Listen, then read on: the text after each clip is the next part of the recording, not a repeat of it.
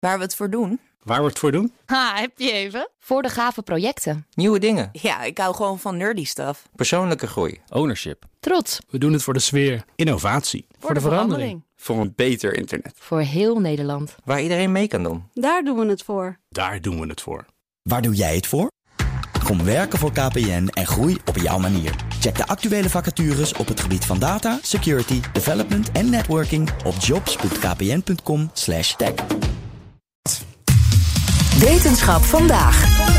We hebben het deze week met onze wetenschapsredacteur Carlijn Meinders over COVID-onderzoek. Um, Carlijn, goedemiddag. We hoorden eerder al over vaccineren, over antistoffen in speeksel. En nu gaan we het hebben over de medicijnkant. Je zou kunnen zeggen, er zijn goed werkende vaccins. Die medicijnen zijn nu minder belangrijk, of zit ik er dan naast? Er zijn een aantal redenen te noemen om toch veel moeite te stoppen in die medicijnen nog steeds. Er zijn gewoon nog te veel mensen die niet gevaccineerd zijn... of niet gevaccineerd kunnen worden of willen.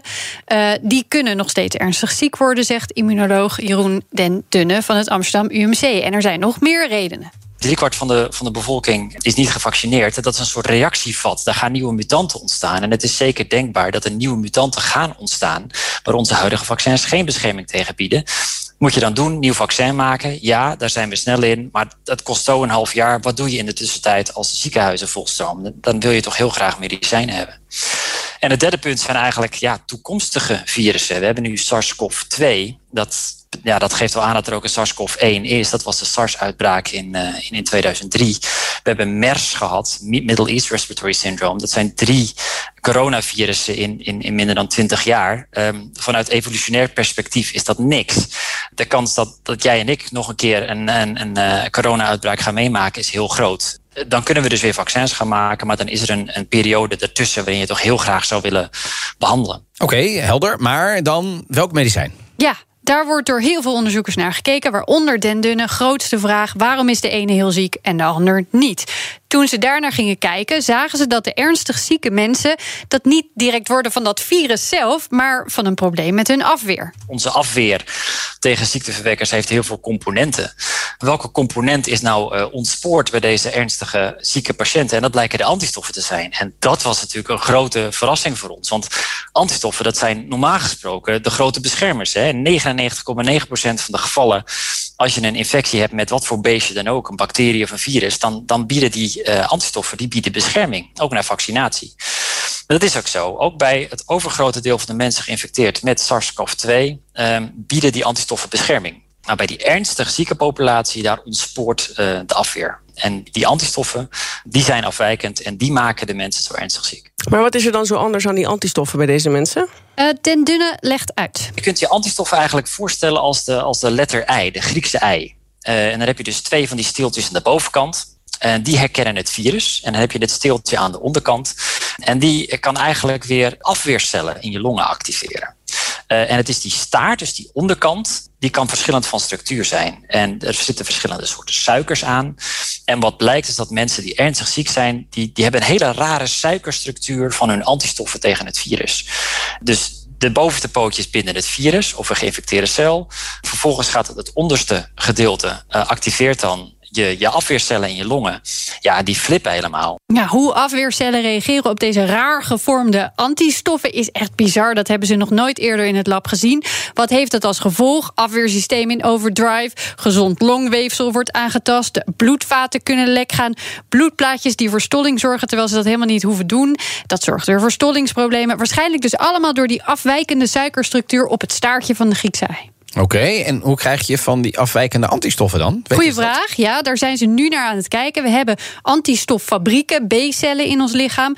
Daar worden die antistoffen gemaakt, dus daar moet het ook wel misgaan. In die B-cellen zijn het de eiwitten die de suikers op die staart zetten waar iets mee aan de hand is. Dus die staan of die werken te hard, die, die, die eiwitten, er zijn er te veel van, of er zijn er te weinig van.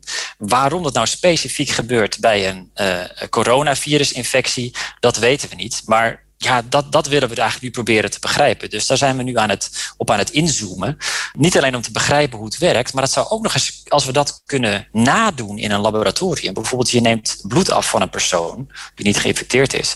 En je zou in een lab kunnen kijken, wacht even, gaan de B-cellen van deze persoon afwijkende antistoffen maken of niet? Dan kun je een risico-inschatting maken van, mocht deze persoon geïnfecteerd worden, gaat hij dan extreem ziek worden of rolt hij er makkelijk doorheen? Oké, dat klinkt goed, maar um, ja, ik ben natuurlijk nog maar een simpele alfa. Dit is nog steeds geen medicijn, toch? Nee, klopt. Uh, dit is wat ze ook nog aan het uitzoeken zijn. Maar daarnaast hebben ze gekeken naar medicijnen. Ze hebben zich in eerste instantie gericht op een medicijn dat ergens anders over wordt gebruikt, voor is getest, zodat het niet eerst vanaf nul goedgekeurd hoeft te worden. Ik werk bij de afdeling reumatologie, een heel andere discipline. Maar daarin hebben we ook gekeken, die mensen maken uh, antistoffen tegen lichaams-eigen structuren, mensen die, die, die reuma hebben. Daar hebben we ook geprobeerd daar tien jaar geleden daar dat konden onderbreken. Dus we hebben toen eigenlijk medicijnen getest. En die kwamen nu opeens heel goed van, uh, van pas. Dus we kunnen eigenlijk die afweercellen in de longen kunnen we remmen op een specifieke manier. En die specificiteit is eigenlijk de sleutel. Want wat je wilt is die antistoffen veroorzaken ontsteking. Dat wil je remmen.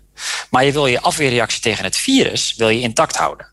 En er zat dus een medicijn tussen waarmee dat lukt. Ja, huidige medicijnen zijn er minder specifiek in. Die leggen je afweer bijvoorbeeld helemaal plat. Dat wil je eigenlijk niet. Nu hebben ze dus een medicijn gevonden, fostamatinib, dat dit veel beter kan. Oké, en, en hoe dan? Het afweersysteem specifieker afremmen? Dat zit hem in de voelsprieten van de afweercellen. De afweercellen in de longen, die staan natuurlijk continu eh, op de uitkijk om te kijken of er geen beestjes binnenkomen. Want dan moet je een ontstekingsreactie veroorzaken. En daar hebben die, die afweercellen hebben eigenlijk verschillende soorten voelsprieten voor. Dus ze hebben een voelspriet voor een virus en een voelspriet voor een bacterie. En dat moet allemaal blijven werken. Maar ze hebben dus ook een voelspriet voor, voor antistoffen. Uh, en die raakt totaal overprikkeld als die antistoffen zo raar zijn. En eigenlijk die route wil je uitschakelen. Maar die andere route, dus dat hij nog steeds virussen en bacteriën en, en andere signalen uit de omgeving kan oppakken, zo'n immuuncel, die wil je intact laten. Oké, dus dat medicijn denken ze te hebben. En nu? Er is een eerste kleine studie gedaan. Dat zag er heel hoopvol uit. Nu wordt het grootschalig getest in de VS. Die resultaten zijn er als het goed is augustus, september. En dan kan het heel snel gaan. Oh, wauw. Eh, kun je dit ook preventief gebruiken? Nou, nu weten we nog niet. Dat zie je pas na anderhalve week. Wie er ernstig ziek wordt en wie niet. Op dat moment worden de antistoffen gevormd. Dus dan zie je dat pas. Dus die medicatie helpt alleen bij die mensen die ernstig ziek worden op dat moment. Wil je eerder iemand behandelen, dan kijk je naar antivirale middelen. Die werken alleen nog niet zo goed. En dit nieuwe middel is dus anders, namelijk een immunologisch ah, middel. Dat is dus geen antiviraal middel. Uh, maar ze kijken dus wel naar preventie. Ja, tegelijk zijn ze in het bloed aan het kijken. Lukt het voorspellen uiteindelijk ook? En ze kijken ook alweer naar een middel dat nog specifieker zijn werk kan doen. Dus terwijl de 1.0 versie in de maak is, wordt de 2.0 versie al gezocht. Carlijn, dank je wel weer. Wetenschap vandaag wordt mede mogelijk gemaakt door Gimmicks. Gimmicks, your trusted AI partner. Ook Liesbeth Staats vind je in de BNR-app. Ja, heel handig. Luister live naar Kees en mij tijdens de Daily Move. Dan blijf je ook gelijk op de hoogte van breaking news en het laatste zakelijke nieuws. En daar vind je ook alle BNR-podcasts, waaronder de Perestrooikast. Download nu de gratis BNR-app en blijf scherp.